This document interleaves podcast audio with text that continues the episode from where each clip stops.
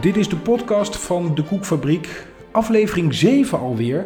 En we zitten weer in het prachtige hoofdkwartier in uh, Utrecht uh, aan uh, tafel. En vandaag is de gast Lauwe Brink. goeiedag, Lauwe. Goedemorgen. Goedemorgen. Um, jij bent een financiële man. We gaan het over financiële zaken hebben. En als ik dat hoor, dan denk ik altijd: oh jee. Getallen, Ja, getallen, oh jee. Maar we, we, zaten al even voor te praten. Toen dacht ik, dit gaat helemaal goed komen. Maar laten we even bij jouw begin beginnen, bij de koekfabriek. Hoe ben jij daar ooit bij terechtgekomen? Ik ben in de zomer van 2016 uh, samen met Arthur gaan nadenken over... hoe kunnen we het concept, uh, het idee van één bakkerij, de koekfabriek... Uh, uitrollen naar een, een groter model waarin tien bakkerijen in Nederland actief zijn. En, waar, en waarom, waarom kwam die bij jou terecht dan? Uh, nou, ik ken Arthur ook al een aantal jaren en hij wist dat ik een financiële achtergrond had. En het plan uh, lag er. Uh, operationeel lag het er. Gino, die waarschijnlijk eerder in deze podcast ook Nee, al voren is gekomen. komt over een paar afleveringen. Die eh, was ook al bezig met, het bakken, de recepturen, alles lag er. Eh, er was nog iemand anders bij betrokken die zeg maar, het, sociaal-maatschappelijke aspect helemaal had uitgewerkt. eh, de arbeidsplekken. Kortom, de bakkerij die in Utrecht begonnen is, die stond. Dat liep. En het, de achterliggende gedachte, ja, dit gaat gewoon zo mooi. Dit is zoiets, eh zo'n mooi concept. Dit willen we gewoon op meerdere plekken doen. Maar eh, is dat eh, haalbaar, zeg maar, om bijvoorbeeld naar het, het oorspronkelijke idee was tien bakkerijen. eh, kun je die als één groot, nou, zeg maar, mini-verzameling van bakkerijen aan de praat houden? Ambachtelijke bakkerij. Ambachtelijke bakkerijen, Ja. dat is inderdaad een heel belangrijk aspect. Ehm, en toen was het businessplan of het bedrijfsplan zover. En toen zei Arthur, nou, ik denk dat nu het moment is gekomen dat er een cijfermatige onderbouwing eh, bij, bij het verhaal komt. Zou jij dat willen schrijven? Ja, dat lijkt me hartstikke leuk. En hoe gaat dat dan? Eh, want, want ik weet dat cijfers, snap ik. Je, je moet ergens, je hebt kosten, je hebt uitgaven. Maar hoe ga je dan te werk om dat te bekijken? Ik denk het belangrijkste voor een goed model, want eh, Excel is uitermate geduldig. Wat je erin stopt, dat krijg je er uiteindelijk ook wel weer uit. Eh, als je het proces begrijpt, waar, waar gaat het over? Nou, koek bakken. Ehm, dan kun je daarmee je model uiteindelijk zeg maar zo verfraaien dat, dat het, vervolgens alleen maar is ja, getalletjes eh, erin plakken. Ja. Dus wat ik in het begin heb gedaan is heel veel gepraat met Arthur, eh, met Chino. Van wat gebeurt er? Wat is ambachtelijk bakken? Eh, wat, wat heb je daarvoor nodig? En vervolgens in een lege Excel-sheet begonnen. Nou, hoe gaat dat proces? Hoeveel wordt er gebakken? Hoeveel wordt er verkocht? Hoeveel personeel heb je nodig? En wanneer, in welke fasen van de opstart eh, van een, een nieuwe bakkerij eh, heb je nieuw personeel nodig? Nou, en uiteindelijk na maanden sleutelen, aanscherpen, eh, continu blijven dubbelchecken, praten met mensen uit de, de bakkerij. Ehm, komt er dan iets uit? En dan kijk je naar, oké, je moet zoveel kilo koek bakken per week of per maand om één vestiging rendabel te maken. Nou, uiteindelijk is dat eh, zeg maar wat, wat eruit rolt. Als een vestiging eh, start, dan eh, heb je een bepaalde periode dat je zeg maar, aan het proefbakken bent. en daarna begint de verkoop langzaam op gang te komen. De specifieke doelgroep waar we mee werken en in het begin, eh, dus zeg maar een jaar of drie, mee werkten. eh, je kan niet van hen verwachten dat ze zeg maar in één keer eh, druk op de knop de productie op, op een zo dusdanig niveau hebben dat het gelijk op het productiemaximum zitten. Dus dat hebben we gezien in alle vestigingen die we tot nu toe geopend hebben. Eh, het personeel moet daar ook langzaam in groeien. Dus er zit een bepaalde ingroeifase in. Daar hebben we in het model ook wel rekening mee gehouden. Ehm, en dan eh, zeg maar, kun je de, de productie dus langzaam opschalen. Uiteindelijk kun je dan berekenen. eh, ik heb zoveel vast personeel, de bedrijfsleider, de bakker, de huur zoveel en dit en dat. Als ik dat break-even, dus zonder verlies wil, wil maken. Hoeveel kilo koek moet ik dan bakken en verkopen? Dat klopt. Was je meteen enthousiast? Want ik bedoel, je, je, komt, je, je maakt financiële plannen, je bent betrokken geweest bij fusies, allerlei zakelijke, zakelijke dingen. En dit gaat opeens over de koekfabriek, met toch ook een sociaal hart. Was je meteen dat je dacht, ja, hier wil ik bij? Ja, ja. ik vind, zeg maar, hoe langer ik erover nadenk, hoe mooier het verhaal eigenlijk is. En dat is niet alleen maar de uitdaging om nou een cijfermatige of financiële exercitie uh, te doen. Uh, Arthur kan op een bijzonder enthousiaste manier vertellen over wat, wat zijn drijfveer is. En ik denk dat als je niet met de, onze doelgroepen in contact bent of bent geweest ooit, is dat heel moeilijk voor te stellen, zeg maar, dat er in zo'n uh, samenleving als, uh, als de onze, dat er gewoon groepen mensen zijn die nou ja, aan de kant staan, die, die niet iedere dag dat plezier hebben om naar te werken, om met andere mensen samen te werken, om dat gevoel te hebben dat je, dat je iets bijdraagt. en dat heb ik van het begin af aan direct hier gezien. En dat is, ehm, dat is gewoon ontzettend mooi om te zien. En het feit dat we, ehm, zeg maar, de mensen die in de Schoutenstraat, de eerste vestiging in Utrecht, nou, dat zijn dan zulke enthousiaste mensen. Als je daar naartoe gaat en je ziet dat, dat uh, je, dan, nou ja, dat klinkt misschien raar, maar begint je Excel-sheet te leven. Dan denk je, daar gaat het om. Ja. En dan is het leuk om mee te bouwen uh, en dat je weet, Oké, we hebben nu Utrecht uh, staat. Uh, we gaan uh, een aantal andere vestigingen open. Ook daar gaat dit lukken. Ook daar zijn mensen die, die in staat gesteld worden om nou ja, van de bank af te komen of echt iets te doen. ook aan andere mensen weer te kunnen vertellen dat ze zeg maar, gewoon een leuke dag hebben gehad, een goede dag, dat ze gewoon iets gedaan hebben. Dat, dat is heel erg mooi. Dat is een bijzonder rijk gevoel wat, ik, wat ik hier aan over heb gehouden. Maar toch zit er iets raars aan. Want je zou zeggen, als het rendabel te maken is en het geeft ook nog eens een keer heel veel voldoening, waarom doen niet enorme grote hordes bedrijven dit dan ook? Uh, ik denk omdat uh, het werken met zeg maar, onze doelgroepen, ja, dat vergt eh, vergt heel veel coördinatie. Het, dus, het zijn niet de allermakkelijkste doelgroepen. er ligt natuurlijk ook een reden om waarom niemand of weinig mensen met deze doelgroepen werkt. Daar moet je voor kiezen. Dat, dat is gewoon een, dat, dat risico of die, die inzet hebben we genomen. Dat, dat hoort erbij. We willen er zit een risico, er zit wel degelijk ook nou, een. Ja, het is een, ook gezondheidstechnisch waarschijnlijk niet niet de meeste uh, uh, 100% mensen waar je op kunt vertrouwen. Het gebeurt dat mensen uitvallen. Dus daar moet je rekening mee houden in je bedrijfsvoering. Dat is nou juist weer het mooie. Waarom zou je die mensen uh, met een, een krasje of een deukje of een achterstand niet die kans geven? Laat ze zich ontwikkelen.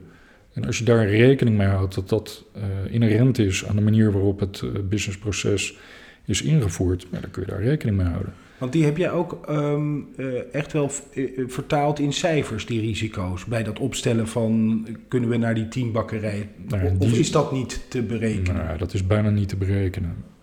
We hebben altijd wel rekening gehouden met uh, er is genoeg. De, de, de, de groep mensen die willen en kunnen werken, die is groot genoeg om, om het proces aan de gang te houden. Nou, we merkten ook wel dat dat op sommige momenten zeg maar knelt ja, dat, dat zijn de uitdagingen. Uiteindelijk, het mooie van de koekfabriek is, uh, het is een sociale onderneming, een hele sociale onderneming met echt een hele sterke uh, sociaal-maatschappelijk betrokken doelstelling. Maar het wordt gerund, de, de insteek, de achterliggende gedachte, de, de echte de kern in het DNA. Het moet gewoon een bedrijf zijn. Ja. En daarin uh, werken we met een hele bijzondere groep personeel dat weten we. Nou, daar, zit een, daar zit een extra uitdaging in. Maar dat maakt het ook weer gewoon zo fantastisch mooi. Ja. Je vertelde, ehm, en ik noem het even andersom denken, als, als financiële man ben je altijd bezig om de kosten zo laag mogelijk, zo klein mogelijk te houden. Ik heb het met Arthur in een eerdere aflevering gehad over eh, de grote koekfabrieken in Rotterdam, waar veel koek wordt gemaakt met zo min mogelijk personeel. Maar dat is bij de koekfabriek compleet anders, hè? Ja, dat, dat is eigenlijk eh, het, het, het, ook een van de mooie aspecten van dit, van dit initiatief. Ik, ben, ik heb economie gestudeerd en zeg maar, uiteindelijk een van de, de achterliggende gedachten is: het moet altijd goedkoper, het moet met minder, het moet sneller, het moet efficiënter. Daarbij uit het oog verliezend dat uh, bepaalde ambachtelijke aspecten, want we hebben een, een, echt een ambachtelijke bakkerij, dat daar gewoon heel erg veel handjes voor nodig zijn. Uh, dat zie je zeg maar, in, het, uh, in het dagelijkse straatbeeld. Er zijn bijna geen ambachtelijke bakkers meer, omdat dat gewoon niet meer te doen is. juist bij de koekfabriek zie je dat personeel, de hoeveelheid personeel, waarom doen we dit? Om zoveel mogelijk mensen weer opnieuw uh, een kans te geven om in het arbeidsproces te komen. En dat is, uh, samen met krijgen we dit rendabel en houden we dit helemaal aan de praat, een fantastisch, maar eigenlijk bijna een soort interne uh, tegenstelling om een model te maken waarin je geld kan verdienen, maar aan de andere kant ook zoveel mogelijk mensen gewoon inclusief erbij trekt. En dat, dat is prachtig mooi. Ja, en dan kom je eigenlijk dus in de, in de, ja, nu ga ik misschien een beetje raar omschrijven, maar in de normale economie, in de normale modellen die je maakt, kom je dat eigenlijk niet tegen. Ja, correct. Ik denk, uh, zeg maar, de normale bedrijfsvoering, uh, zeg maar, dan zou altijd personeel, uh, ja, kan het minder, kunnen we zeg maar daarin schaven. En dat, dat zie je hier niet. Dat, dat ja. is erg mooi. Dat is, Zitten er risico's aan de koekfabriek? Want ik bedoel, eh, als ik hier in die podcast met mensen praat, dan is iedereen enthousiast. Uh, hè, we, de, de, waarom zou het niet kunnen slagen? Zie jij als financiële man, econoom, zie jij uh, risico's voor de koekfabriek? Nou, er zijn, als je zeg maar, het model of de bedrijfsvoering van de koekfabriek platslaat, twee aspecten die het succes of, of het resultaat uh, sturen. Dat is het volume van verkochte koek uh, en de aanwezigheid van personeel. Als we om wat voor reden dan ook uh, zeg maar de doorbraak in Nederland zouden kunnen bewerkstelligen, dat iedereen denkt: ja, waarom, waarom gebruiken wij ook niet deze mensen? waarom hebben wij ook niet een meer sociaal arbeidsmodel en trekken we zeg maar mensen, bieden we iedereen een kans? Dat we minder personeel zouden kunnen krijgen om op een ambachtelijke manier koek te bakken. Dat zou een risico uh, met zich meebrengen. Aan de andere kant, als mensen minder koek gaan eten, wat we niet verwachten, dan zou dat ook een risico zijn. Maar ja. verder zie ik, uh, als we één keer op een, op een zeg maar, bepaald uh, kilogram afzetniveau zijn, zie ik niet in waarom dit niet echt zeg maar, een groot succes kan worden. Want de prijs van de koekjes is niet heel erg goedkoop bij de koekfabriek. Zit daar geen risico in? Of, of uh, is het de prijs in combinatie met het verhaal die prijs ook waard? Het ambachtelijke met de kwaliteit van de koek, het ambachtelijke aspect, uh, het verhaal erbij, die, al die componenten bij elkaar maakt dat zeg maar die prijs gerechtvaardigd is. Ja. En, dat, en dat hoor je ook terug van, van de kopers. Nou goed, het is, het is wel vrij, een vrij stevige prijs. Maar ik denk dat mensen dat heel erg goed accepteren op het moment dat het verhaal duidelijk is, de achtergrond. Maar vooral op het moment dat ze het geproefd hebben. Ja. Want een van de eerste keren dat ik eh, een zakje koek mee had genomen en die aan mijn schoonzusje gaf. En die uh, had een uh, koekje. Wauw, wat is het lekker. En die keek direct op de onderkant uh, van de, de ingrediëntenlijst doorlezen. Maar er zit helemaal geen... Ik zei, nee, dat is... ja. ambachtelijke koek betekent ook dat het gewoon echt allemaal natuurlijke producten zijn. Ja. Uh, dan is het misschien ietsje duurder, maar dan heb je gewoon wel super lekkere koek. En daar gaat het natuurlijk uiteindelijk ook om. Ja, want, want het verhaal is mooi. Maar mensen nemen dat verhaal, hè, vinden ze mooi om aan bij te dragen, om te betalen. Maar de kwaliteit van die koek, die moet ook top zijn. Ja, maar ik denk, uh, zeg maar, daar ben je ondernemer voor. Ja. Uh, ambachtelijk bakken, dus ook, uh, zeg maar, kwaliteit. Dat, dat is, zeg maar, vanuit het uh, proces de uitdaging voor de bakkers en de bedrijfsleiders om iedereen die in de bakkerij werkt ook gewoon zeg maar de hele dag bij de les te houden. Van er moet ook gewoon uh, wel, ook al zijn we een sociale onderneming, we kunnen het ons niet veroorloven om uh, zeg maar lage kwaliteit te leveren. Daar, daar gaat het om. Dat, ja. dat is ook wel juist ook weer het mooie om met, uh, met, met een kwetsbare groep uh, te werken die gewoon echt uh, kwalitatief hoogstaand werk afleveren. Ja. Super goede, smaakvolle koek. Ja. Jij, komt, uh, bent uh, econoom, je bent uh, in die financiële wereld actief. Je werkt met veel contacten, neem ik aan. Merk je de laatste tijd dat er binnen het Nederlandse bedrijfsleven, of in ieder geval in, in mensen met wie jij in aanraking komt, dat dat sociale ondernemen toeneemt? Is dat een trend of, of is dat te herkennen dat meer bedrijven zich daarop richten? Ehm, ja. Ik was eh, afgelopen donderdag uh, op een congres en daar merk je ook dat uh, het sociale aspect van ondernemen begint nu, ja, dat klinkt misschien wat merkwaardig, maar veel serieuzer. zeg maar was het tot een aantal jaren terug subsidie van de gemeente of de provincie en, en, en dan werd er iets gedaan. Nu begint zeg maar, het idee waar wij mee gestart zijn. Het is een bedrijf met uh, een, een, diep sociale inslag.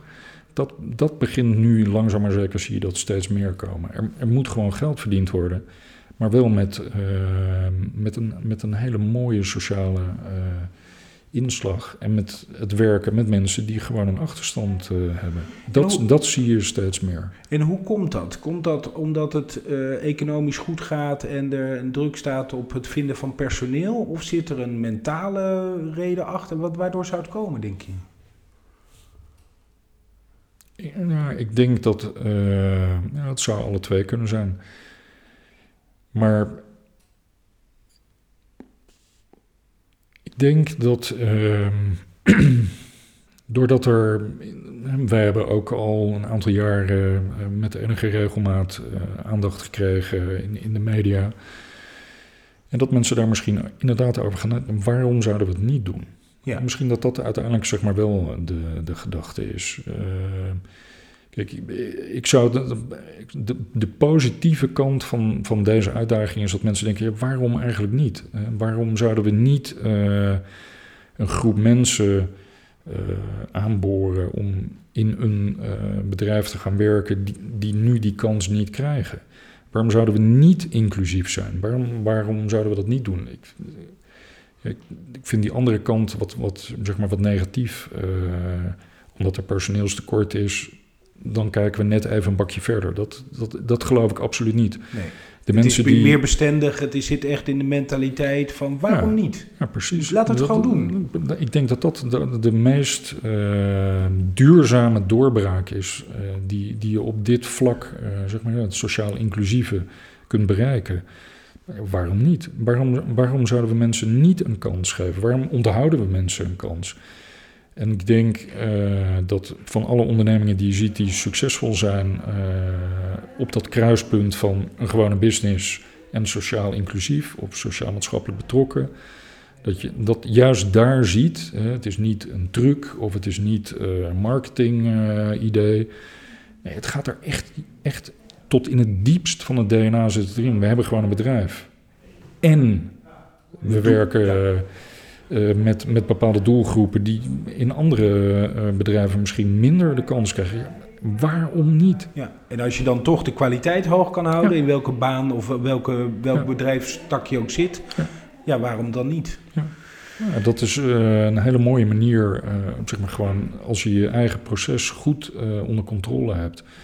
En je hebt een manier gevonden om of een, een, een soort coördinatie van, van de doelgroep en je, je bij die enthousiast te houden. Nou ja, dat, ik denk dat, dat, dat het ook al werkt als je gewoon een goed product maakt. Hè, je bakt een lekkere koek, dan worden, je, wordt je personeel daar ook uh, super enthousiast van. Dus dan, dan wordt dat ook alweer wat makkelijker ja. om die bij de les te houden en die enthousiast uh, dag in dag uit uh, koek te laten bakken. Dat, dat, is, dat is mooi. Ja. Dat is het mooie van het model van de koekfabriek. Die twee uh, werelden die zeg maar gewoon als een soort aquarel door elkaar heen uh, vloeien. Um, je bent betrokken geweest vanaf zomer 2016, maar nu alweer wat langer op iets meer afstand van de koekfabriek. Uh, mis je het niet dat, dat de koekfabriek daar dichter op betrokken te zijn? Nou, dit, dit, dit vertellende is dit geen gespeeld enthousiast verhaal. Ik ben ja. heel erg enthousiast eh, over de koekfabriek. Dat ligt me na aan het hart. eh, En dat blijft ook zo. en dat blijft zo. Lauwe, dankjewel voor je tijd en voor de uitleg. Het was helemaal niet saai. Het ging over cijfertjes, maar indirect. Dank voor je, voor je verhaal. Eh, dit was aflevering 7 van eh, de podcastserie van de Koekfabriek. Volgende keer eh, aflevering 8, dan over open hiring. En ehm, wilt u eh, de Koekfabriek blijven volgen? Dat kan via alle platformen. Abonneert u, eh, u op de podcast. En dan spreken we elkaar de volgende keer weer in aflevering 8 over open.